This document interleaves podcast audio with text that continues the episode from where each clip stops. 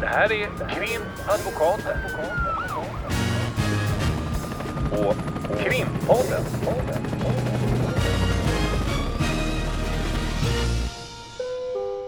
Parter och ombud kallas till sal 32. Hej Ulrika! Hej Lotta! Idag så tänkte vi ha lite, ett, ett litet splittrat avsnitt. Ja, För vi har ju våran eh, kontaktkanal mellan våra lyssnare och oss i podden. Och vi får ju eh, ganska mycket frågor där. Mm. Eh, Och det är eh, kring både det ena och det andra och högt och lågt och hur man nu ska säga. mm, och kommentarer också. Så, Ja. så det, Det är jättekul. Det är kul. Mm. Eh, och då eh, tänkte jag att vi, eller vi tänkte att vi skulle prata lite kring, vi har fått några frågor. Mm. Och sen så, så eh, jag, jag kan säga så här, vi kan sammanfatta det. Oftast är det ju så att vi får flera frågor som kanske tangerar samma område. mm. Så eh, nu fick vi faktiskt ifrån en yngre kollega Mm. en, eh, en hen. Jag har ju sagt det förut, när man säger en hen då är det ju nästan alltid en hon. Mm. Eh, och då har denna hen eh, ställt en fråga till oss. Eh, jag är nybliven jurist, eller jag har jobbat ett tag som jurist men nu har jag fått jobb på advokatbyrå. Och eftersom jag fick det här jobbet i februari månad så kommer jag att vara i tjänst under sommaren. Och då vill jag veta om ni har några tips eller hur man ska tänka när man ska vara i domstol eller på polisförhör eller, eller liknande. Hur, hur man ska vara klädd helt enkelt om det blir liksom 35 grader varmt. Mm. Och det tyckte jag var en ganska rolig fråga eftersom någon gång i begynnelsen av våran podd så pratade vi bland annat om klädsel. Klädsel. Jag tycker också att det är intressant att hen vänder sig till oss när hen jobbar på en advokatbyrå. Ja, Det kanske inte är så himla lätt att ställa de frågorna till sin principal. Utan där Nej, vill man liksom precis. uppvisa någon sorts nivå på... Både du och jag har ju jobbat ett tag och också haft faktiskt eh, samtal eh, med anställda eh, Mm. kring när, när vi då inte tycker att man riktigt matchar upp till hur man ska se ut. Det de har vi är haft. lite speciella de samtalen Ja, men de de, är, är också det. Mm. tvungna att ske eftersom man måste vara propert klädd. Mm. Och är man inte det utan eh, kommer insläntrandes eh, eh, i, i en domstol med, med mjukisbyxor det, det, det blir liksom det ansiktet utåt för byrån. Och, sen Och för ens jag- egna varumärke och den man ja, är. och för klienten. för, framförallt är det ju Ja. klienten. Så mjukisbyxor i all ära, men eh, inte i domstol eller när man ska uppträda som advokat. Och då har, har vi råkat på några mjukisbyxor under våra yrkesår. Mm. Och då har det också eh, förekommit samtal. De är ju lite jobbiga de där samtalen. De är men- jobbiga, men och jag vet inte om du vet det, men jag hade ju jag var ju föremål för ett sånt samtal eh, i början av min karriär när jag var bitis på, Mm. på advokatbyrå. Eh, där du bland annat var min principal. Men det var inte du som Hade hade, samtalet. Men du låg säkert bakom, för det var säkert en överenskommelse. Just det, jag fick ett sånt samtal själv. Så jag vet ju också hur det känns att sitta på andra sidan. Hade du mjukisbrallor på dig? jobbet? jag skulle inte ha mjukisbrallor, nej. Vad var jag tror att det det det. stod i? Eh, jag tror att det var lite för lite kavaj och lite mycket svarta jeans och, och lite så. Kanske väldigt eh, mycket svart på ett sätt som kanske inte är... Man kan alltid ha svart på sig i, i domstolen, men kanske lite mer propert. Jag tror att när man är första året som bitis eh, så kan det ju vara att man kanske inte är så mycket i domstol. Och då tänker man att men jag är ändå bara på byrån. Och då så kan man ha lite sköna jeans och så kommer det klienter. Ja. Eller man måste åka iväg på något uppdrag. Ehm, Det är det här vi har pratat om, att man aldrig riktigt vet vad dagarna kommer Mm. innebära. Och det måste alla vara beredda på. Så man, man ska ju helst ha något ombyte för någonting på byrån. Om man inte känner att man vill vara propert klädd. Ja, Mm. men eh, ja, så jag har varit både föremål, alltså jag har varit på båda sidor. Så Men det är jag lite hade spännande. inte det, det självaste samtalet med dig. Nej, det hade du inte. Man Nej. glömmer ju. Nej. Och du Eh. har såklart aldrig varit föremål för ett sånt samtal. Du är alltid chic. Eh, jag, precis, jag utbildade mig till advokat för att jag skulle få direkt. eh, nej då, men eh, jo, det, då ska vi ändå svara denna hen eh, att eh, eh, man kan säga så här att under alla de år som vi har arbetat så har det faktiskt blivit lite förändringar. Eh, jag vet att jag för inte vet jag, fem år sedan kanske eh, sa till en biträdande jurist att eh, det är inte aktuellt att mitt under 35 grader värme gå till domstol om du har klänning utan nylonstrumpor. Eh, det, det, det ska du ha. Eh, och eh, det tror jag nog att jag idag eh, inte skulle säga. Det beror helt på vilken längd man har på kjolen. Men har man en, en längre kjol eller en klänning som går ner på typ halva vaden då kan det accepteras att det inte är strumpor på där. Och det skulle jag inte ha sagt för, för fem år sedan. Nej. Men, men har man en jättekort kjol eh, och, och eh, är barbent, det, det tror jag att jag bestämt skulle avråda ifrån. Man ska ju heller inte ha, tänker jag, eh, utmanande kläder. Man ska Nej. ju inte eh, komma dit med värsta dekolletaget så som brösten håller på att trilla ur. Nej. Därför att det är på samma sätt som att man inte ska dra alldeles för mycket uppmärksamhet till sig själv därför att det sker på bekostnad av klienten. Det är klienten som är huvudpersonen i rättssalen, inte man själv. Men eh, vad, vad tänker du nu då? Har du, har du något bra exempel från någon domstol där, där när det har varit 35 grader ute? Ja. tror jag 35 här, men, men riktigt varmt ute. Riktigt varmt. Ja, därför att oftast är det ju så. Det alltså, vad ska man säga, sinnebilden av en, en rättegång och alla rättegångens aktörer är ju att vi sitter i grå eller svarta eller bruna eller blå kostymer. Man som kvinna skulle jag nog vilja Med någon säga. ljusare skjorta Någon ljusare eller skjorta. blus eller knytfaderulla. Ja, och jag måste säga, och det kanske har att göra med tillgången också, men när jag började i den här branschen, nej jag tänker också på den manliga klädseln, för jag har alltid tänkt, gud vad enkelt, man kan ha bara en kostym. Mm. Eh, men ehm, där tycker jag nu för tiden att man ser väldigt många fler färger, det är ganska roligt. Mm. Och nu Eh, har även vi kommit in i den ljusperioden. Ja, Där ser exakt. man ju att de manliga aktörerna, och då, då, nu, nu pratar vi advokater här, Mm. de eh, börjar ha lite ljusblått och, Mm. och, och lite kanske beige. Då. Möjligen en och annan har några chinos, beigea med någon typ av linnekavaj Mm. och någon liten trudelutt eh, näsduk i fickan. Mm. Ja, men Eh. det är alltid propert i vart fall. Det är alltid proper. Men och, och just det här att man då har, och det är ju, har ju eh, domstolens ledamöter också är oftast väldigt properklädda. Där är ju oftast eh, juristdomaren kanske i kavaj, eh, ofta i alla fall. Och sen Eller nämndemannen i kostym. Och nämndemännen då eh, propra men kanske inte alltid kavaj. Så kan man väl Nej, kanske säga. inte alltid eh, kostym, skjorta, slips. Nej. Mm. Men ändå propra liksom för det mesta. Men i alla fall.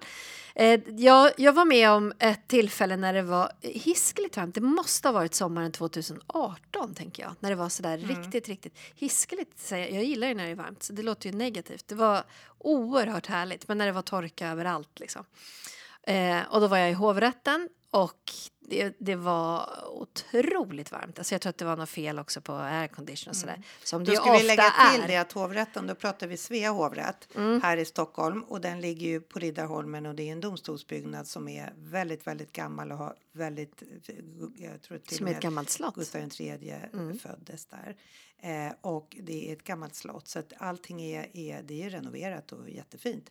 Men ibland är, är det lite teknikaliteter som kanske inte riktigt funkar så det var ingen AC då den dagen. Nej, det var ju inte det. Och vi körde på till första pausen i allas våra kavajer.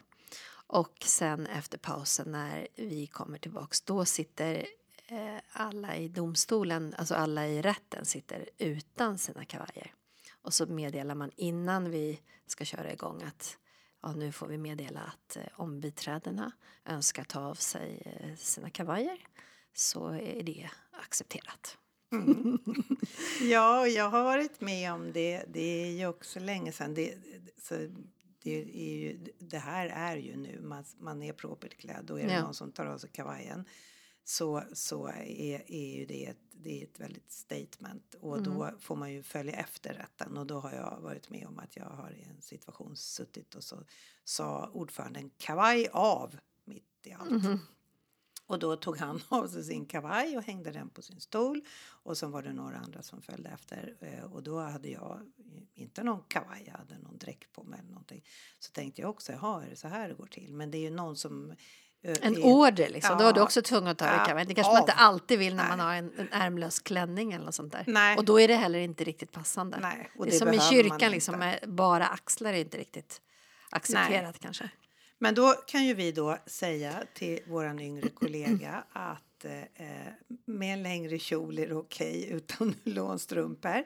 Men att man ska vara propert klädd och, och propert är ju lite kan man säga bilden av en advokat. Alltså det är ju bara att googla fram en bild på en advokat så ser man ungefär hur man ska se ut. Men att på sommaren då kan man ha lite ljusare klädsel och eh, man eh, kan då kanske som man kanske man inte behöver ha en slips och så. Nej, men och jag tror att det man ska tänka på om man säger propert, det kan ju tolkas på olika sätt beroende på vad man har för Man referenser. kan ha liksom. propra mjukisbyxor. Ja, men, men framför allt är ju det här du var inne på att det handlar ju om att vi är inte huvudpersoner. Man, man kan inte sitta själv och glänsa i, i sin yttre prakt, om man säger. Det ska vi göra i det vi säger kanske, men, men just i hur man ser ut, där är det klienten som är huvudperson och vi Och ska är inte också- ta uppmärksamhet. Nej, och Det är vi- det det handlar om. Liksom. Och det är en situation som är för alla, samtliga, totalt alla klienter så är det en ovan situation att vara i domstol. Mm. Och eh, det här är kanske ingenting man har gjort tidigare. Eh, man kanske har varit på något studiebesök när man var yngre eller någonting sånt. Mm. Men för de allra flesta, tycker jag, när man går igenom ett mål innan man ska gå upp i rätten så har de inte varit i rätten. Eh, och, och, och, och ibland får man också fråga vad man ska ha på sig och så eh, från klienternas sida. Men det är ju någon sorts respekt inför allvaret i situationen Mm. som kräver att man då inte har eh, mjukisbrallor och flipflops på sig. Mm. Men, och det gäller ju allt. Det gäller ju, alltså jag tror att alla, om man ser alla våra kollegor och, och hur vi är när vi ska uppträda i rätten så har man, alla är ganska ordentliga i håret, Mm. eh, man har putsade skor, man har en väska, man har ordning på sina papper. Alltså det är ju lite, det är den totala respekten. Mm. Jag tror att det och annars så kanske någon i rätten sitter och tänker så här, men gud vad är det för slarv och en Mm. väska som är smutsig eller... jag sitter och tänker på Exakt. advokaten och Exakt. det är inte det de ska göra. De ska lyssna på argumenten och de ska Exakt. lyssna på förhören och de, de ska inte sitta och reta upp sig eller eh, ha några åsikter om Nej. advokaten. Men eh, jag tänkte att det kan ju vara så att man, som du säger, man, man, eh, man kanske har en något lite mera, alltid proper, men kanske lite mer ledig klädsel om man till exempel vet att man är inbokad på ett antal polisförhör Mm. under dagen. Eh, Jag skulle säga att om jag ska gå upp på häktet och ha ett polisförhör eh, med eh, en klient och poliser så kan jag ha jeans på mig. Mm. Eh, Men då är ju de eh, ganska mörka Mm. eh, och de är inte trasiga. Nej. Och det går alldeles fint fint med gympadojor som är hela och rena. Mm. Men det... Och kanske lite dova i färgen så att man inte riktigt tänker på mer sneakers liksom. Ja, och sen eh, någon, någon sorts överdel av något slag. Då. Så att, eh, men, men man får ju inte heller se ut, man får inte se slafsig ut helt enkelt. Nej. Inte, inte heller även om det är ett polisförhör där man inte sitter framför en domstol. Mm. Så eh, när, när det är, om man blir inringd på kvällen och du sitter hemma i dina mjukisbraxar, Mm. dina flip-flop-sandaler och så ringer de och så ska du iväg till en arrest. Glider Sticker du iväg direkt. i dina? det gäller att vara först på plats med flip-flops. Ja, ja. Eh, nej, men, det, men då är det ju naturligtvis så också att man... Eh, nu, jag menar, nu har både du och jag jobbat så länge, det sitter ganska mycket, man har alltid ett sätt man alltid tar på sig snabbt. Mm. Det är ingen stor grej liksom. Och så får man kamma till sig, sig lite ordning. Ja, men sen om det är sent på kvällen och alla vet att man kommer hemifrån, ja, då kanske det blir ett par... Jag har ju fortfarande ganska mycket svart. Jag har alltid jag har massa svarta byxor. Liksom. Mm. Alltid svarta byxor, kanske någon lite finare tröja eller någonting. Liksom. Men jag tänker att nu, nu frågade eh, vår yngre kollega om sommaren. Vi kan ju flika in där att eh, när det är vinter Mm. så har det i alla fall de senaste, skulle jag säga, två åren kanske. Jag vet inte om det är sant, men vi har ju pratat om det på byrån, en cliffhanger, att det är ganska kallt i domstolarna. Mm. Eh, och nu pratar vi om eh, inne i rättssalen. Och då har, har det varit så att man kan när man sitter och skriver på datorn eller sitter och antecknar att man känner att fingrarna blir alldeles stela. Man blir kall om näsan eh, om man inte har tänkt på att pylta på sig lite extra. Och jag brukar säga till mina klienter när det är vinter, när de frågar vad de ska på sig, så brukar jag säga sätt inte på dig någon konfirmationskostym för då kommer du bara känna dig obekväm. Sätt på dig någonting som är bekvämt och strikt och ordentligt. Det behöver inte vara strikt men det ska se helt och rent ut. Men tänk på att det är ganska kallt så sätt på dig någonting under.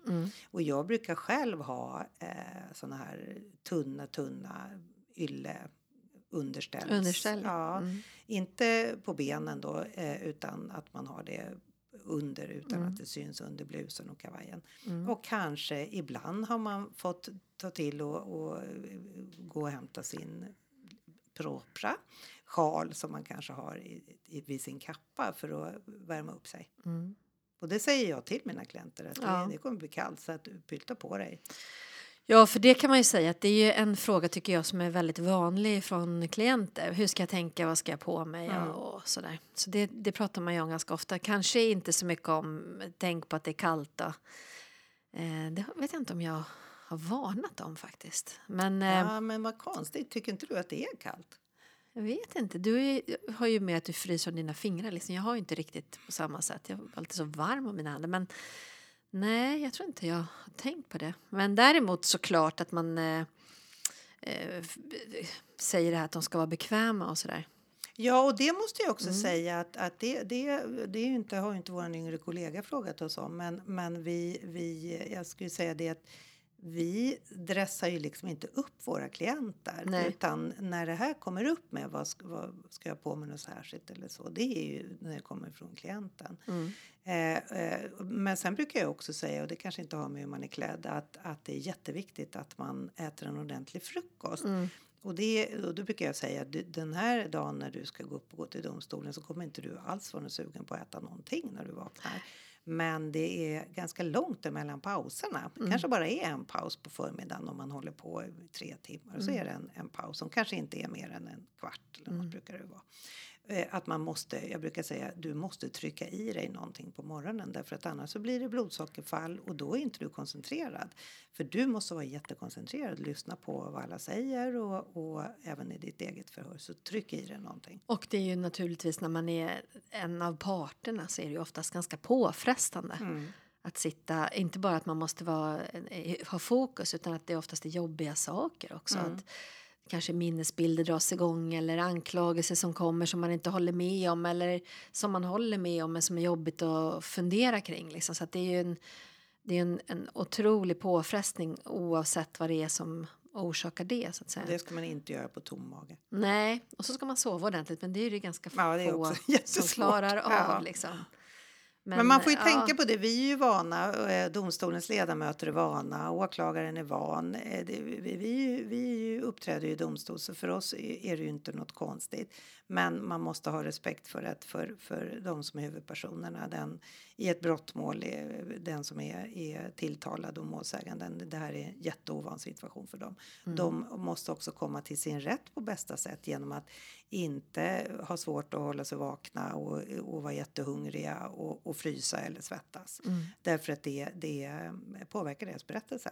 Så det är därför man också kommer med de här små tipsen. Ja, men och det tycker jag är samma när man har en, en klient som sitter häktad till exempel och har de här um, häkteskläderna, de gröna kläderna och som är så här, jag vill verkligen ha mina riktiga, alltså mina vanliga kläder. Det är en ganska viktig del i vårt arbete att se till att de då att Får man det. får de här rättegångskläderna så att man, man känner att man är sig själv. Mm. Att man inte är den här äh, internen liksom, som sitter där på och är skyldig typ för man sitter i Med kriminalvårdens i, kriminalvårdens och- kläder och sådär. Eller, ja. Men ehm, ja, det tänker man inte heller på riktigt hur viktigt det är för vissa. För vissa är det ju väldigt Ja, viktigt, eller hur? För andra spelar det ingen roll. Att liksom. inte vara ett, ett, ett, någon sorts objekt Ja. utan man, att man är sig själv. Ja, eller att man kanske också härdar ut. Man kan ju tänka sig för att vara amatörpsykolog att man är för att härda ut inne på häktet så är man i häkteskläder och så får man tiden att gå och man kanske lägger till med vissa eh, tankestrukturer. Det är inte ovanligt, Mm. eller hur? Att man, man håller sin rutin och man är noga med att gå ut eller man, ja, man kanske har samsittning och, och är en viss personlighet för att man inte vill vara, man kan kanske inte vara sig själv riktigt i den situationen för då skulle man sakna familjen Mm. och, och så vidare. Men sen när man kommer och ska prata om det här som det faktiskt gäller då måste man ju Ta tillbaka, gå sig tillbaka själv. till sig Mm. själv. Liksom. Precis. Och då, då är det ju inte sällan så tycker jag som kläder är en del av det. Ja, en det är del ganska av ens intressant. identitet. Ja. Och därför så är, är det ju en del... eh, Det, det är rakapparater och, och det, Mm. är, det är saxar och, och, och det är ena och det andra. Mm. Så det, det, och det är smink ibland Mm, också mm. när man har, har eh, kvinnliga hen-klienter. Inte så ofta parfym tänker jag. Parfym kan ju vara annars. Nej, det har jag det här är min aldrig doft. fått liksom. en, en fråga om. Att, jag heller. Det bara slog mig nu med att det. det skulle kunna vara en sån sak Ja. att man liksom är så här, men det här är, nu är jag jag liksom. Ja. Men då, då, då, då tänker jag att vi lämnar det där nu och hoppas att våran yngre kollega eh, Fick ett uttömmande svar. Ja, och Mm. slänger mjuk, mjukisbrallorna där dit peppan växer. Eh, men sen har vi eh, fått, vi har faktiskt fått flera eh, propåer, Reaktioner. reaktioner. Mm. Där, lite, det var lite roligt, det är tre personer som har skrivit oberoende av varandra om den här dokumentärserien på SVT som går just nu som heter Skamlös. Mm. Som eh, ha, handlar om en juristfirma och den som startade och drev den firman är en kille från Norge som heter Rickard Olsson. Eh, och han driver då en juristbyrå. Eh, jag har bara sett första avsnittet. Du har lyckats se två. Jag vet Mm. faktiskt inte hur många det är. Inte jag heller. Det är i vart fall tre. Det kommer nästa Mm. vecka också. Mm. Och då är, är det en eh, som sa titta på det här, det här är helt galet. Får man verkligen göra som han gör? Hur, eh, hur, hur kan det komma sig att det inte finns några regler kring det här? Och sen var det en som sa jag fattar inte varför alla advokater i hela Sverige är helt dumma i huvudet. Kan ni förklara det? Mm.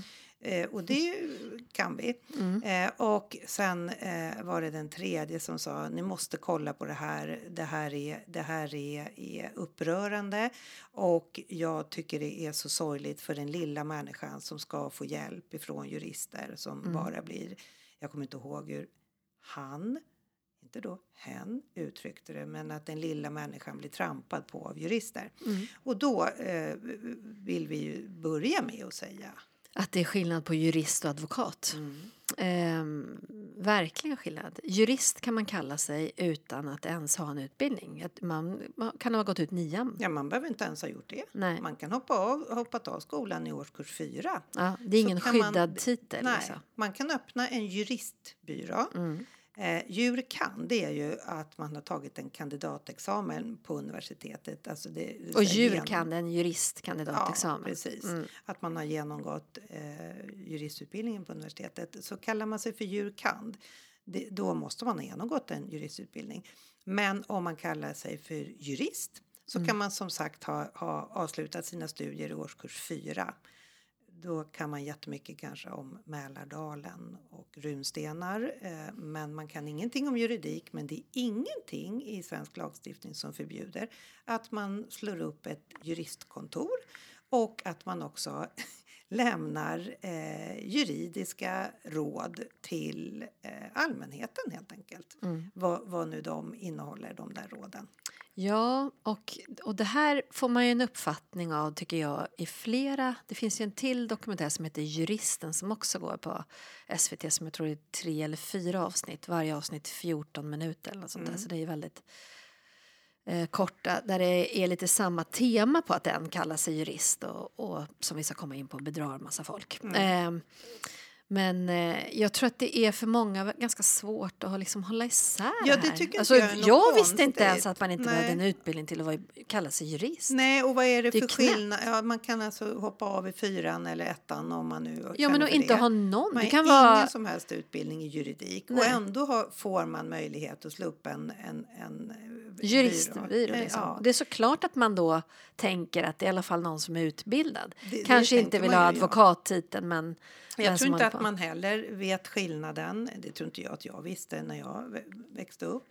Eh, att, att det var en så stor skillnad mellan advokat och, och jurist och även mellan advokat och jurkand. Nej. Och då kan man ju säga då att det, eh, vi återkommer till det vad vi har fått också synpunkter och har lite synpunkter på att media är fyllt med, med olika bedragarjurister Mm. just nu och att det är lätt att, att trilla lite fel och tro att det handlar om advokater. För den här, den här ena av de eh, lyssnarna som har skrivit just det här för advokater göra så här så eh, kan vi ju tala om att det får inte en advokat göra. Jag har ju då bara sett första avsnittet men i det avsnittet så har vi denna Rickard Olsson, en väldigt speciell person kan man säga, som berättar hur han framgångsrikt har jobbat eh, med en klient och lärt henne att grina på rätta ställen och påstå att hon eh, har blivit utsatt för sexuella trakasserier trots att hon inte har blivit det. Det kan man säga att det är absolut förbjudet för en advokat att göra så. Och skillnaden är också att vi kan bli anmälda till Advokatsamfundet där vi är anslutna och vi kan också bli uteslutna. Det vi pratat om tidigare. Men för att bli advokat då kan du inte ha haft en juristbyrå utan utbildning och sen söka till Advokatsamfundet utan du måste ha genomgått en juristutbildning på universitetet. Du måste ha en examen och du måste också lämna in eh, att du har ett eh, belastningsregisterutdrag där du inte är straffad och att du eh, har en, en normal fungerande ekonomi och att du har en, en praktik, en längre praktik innan du kan bli advokat. Och, Med en viss omsättning för att man ska Mm. kunna vara oberoende, ekonomiskt oberoende också gentemot Precis. klienter. Och sen så när du blir advokat så kan du då bli utsatt för, eh, utsatt för eh, helt rättmätigt så kan din klient vända sig till Advokatsamfundet och, och, och få dig helt enkelt eh, ut, utslängd. Mm. Eh, och, och då är det skillnaden då, då det är att eh, du måste ha en universitetsutbildning, du måste ha en viss praktik och du ska leva hel och ren. Och ha en advokatexamen. Mm, För vi avslutar med en advokatexamen och en lämplighetsprövning bland samtliga aktörer som man har eh, arbetat på under mot, år. träffat på under sina år som, som biträdande jurist eller som jurist. Mm. Ehm, så det är ju en, en ganska, eh, vad ska man säga, lång prövningsperiod Mm. innan du får den här titeln. Och det ska också vara så för att den titeln är skyddad. Det är Den är skyddad, att så kalla det, för det har vi snackat om tidigare att om man utger sig för att vara advokat, om man ändrar skylten från juristbyrå till advokatbyrå då, och utger sig för att vara advokat, då är det faktiskt straffbart. Mm. Eh, eh, men då, då, är, då när vi då får frågan hur, hur kan det verkligen vara hur kan det vara på det här sättet att man får göra så här som advokat så kan vi då säga att så får man inte Så göra får man verkligen advokat. inte göra. Här handlar det också mycket om, inte bara det här att man regisserar på det sätt du beskriver, utan att man eh, tar in ett ärende liksom säger det här hjälper jag dig med. Jag tror det var något arbetsrättsligt de går igenom också i första delen där. Det här kan jag, det här gör vi och nu går vi hårt mot och det här har vi mycket erfarenhet av. Eh, det här kommer kosta så och så mycket. Och sen så kommer en faktura som dels överstiger det som man har utlovat att det ska kosta och sen har man inte gjort någonting. Och där är det ju också Det flera skillnad, fel för advokater liksom. har ju eh, det är oerhört noggrant eh, vad man har för faktureringsrutiner. Det ska informeras redan vid den första kontakten, den första ordentliga kontakten med klienten. Och, och eh, sen är det också så att det finns en konsumenttvistnämnd knuten till Advokatsamfundet där man om man är missnöjd med vad advokaten har arvoderat kan klaga till. Eh, men eh, det är Mm. Och ju- det här är också någonting som jag tänker så här att jag tror att det är många, om man nu vet skillnad på advokat och jurist, alltså tänker på att det är en, en skillnad, så tror jag också att det är eh, ganska vanligt att man tänker att advokaterna är så himla dyra så att men det är billigare med en jurist. Att det liksom blir att jag kommer bli ruinerad liksom. Och, och då, det är därför det är så viktigt att man redan från första mötet ska klargöra så här mycket kommer det kosta. Alltså man kan kanske aldrig säga exakt, men så här mycket kostar jag i timmen och det här är ungefär. Man har rätt att få eh, den delen klargjord. Innan man, Innan man sätter igång beslut, och tackar ja. Liksom. Ja. Och då måste vi hålla oss till det. Mm. Det är Och det sen- som skiljer i det här, att han kan gå liksom fördubbla det. alltså. Ja, och skickar ut fakturan redan innan de har hunnit göra något arbete och i vissa fall då. Och kanske inte ens får tanken att göra något arbete utan bara skicka Sen iväg är det också skillnad, inte bara den skillnaden att vara advokat att man måste ha utbildat sig på universitetet för att kunna juridik så är det ju också så att när vi väl är utbildade och sen eh, blir advokater, vi som väljer att göra det, vi har också ett utbildningskrav. Mm. Så varje år måste man lägga ner ett visst antal timmar i studier. Och då, Minst 18 timmar. Mm, då är, och det är kurser som Mm. advokaterna måste gå. Går man inte den kursen då kan man hamna eh, i disciplinnämnden och få disciplinära påföljder. Mm. Och sköter man inte den biten så kan det också sluta med att man inte längre får kalla sig för advokat helt enkelt. Men eh, om man då återknyter till det som vi har lite hört ifrån olika personer som har reagerat och vi själva också kring det här med att det, det är ganska mycket i media nu. Ja, men som jag sa, dels så går ju den här då som är eh, varje onsdag, nu två delar. Um, och sen finns det den här tidigare som ju också han, handlar om en eh, skamlös jurist. Eh, lite samma tillvägagångssätt, det här att man svindlar och bedrar. Eh, springer ifrån journalisterna som man ser i, ett, i en del i den här juristen. Den är ju ganska intressant, den kan jag ändå rekommendera att man ser. Eh, sen tänker jag på att det finns den här djävulens advokat också. Kanske lite annat, men, men eh, hela taket om man säger i, i de här dokumentärerna att man, man har en eh, klandervärd ett klandervärt förhållningssätt. Alltså att man tycker att vad, vad gör de egentligen? Liksom? Att de bara fakturerar och inte Luras. gör, någonting, inte gör någonting för pengarna. Och det är ju... Att det bara handlar om att få Ja, en och massa det- pengar. Exakt, och det är ju det vi också eh, reagerar på. Därför att om, om man ibland, vad ska man säga, allmänheten inte har örnkoll på vad som är skillnad på att vara advokat och, och att ha en juristbyrå så är det ju inte konstigt att man drar eh, paralleller och tänker att det är så här vi jobbar också. Och, och man kan, man kan, med tanke på att en av, av eh, frågorna vi fick var just eh, hur kan man göra så här som advokat? Nu har vi förklarat det att det kan man inte. Men eh, det är också så att för att slå upp en juristfirma så finns det inga krav och då, är, eh, då kan man ju vara upprörd över det också. Och då är det ju så att är man då missnöjd då får man ju väcka en skadeståndstalan, en civilrättslig process och det kostar ju ännu mera pengar och risker med det om man är missnöjd med vad den här juristfirman har gjort åt en. Men sen kan man ju säga så här, det, ja, det är ju konstigt att man får lämna juridiska råd till allmänheten fast man inte eh, har pluggat juridik. Eller eh, knappt ens gått ut grundskolan för den delen. Men jag vet inte, eh, men antar att man kan slå upp en bilverkstad utan att man har utbildat sig i bil, eh, bilteknikskunnande. Så det är, det är ju liksom på samma bog. Det är, Du kan säkert eh, Slå upp en kaffeshop och Utan att du sälja kaffe utan att vara barista. Kaffe. Ja, exakt.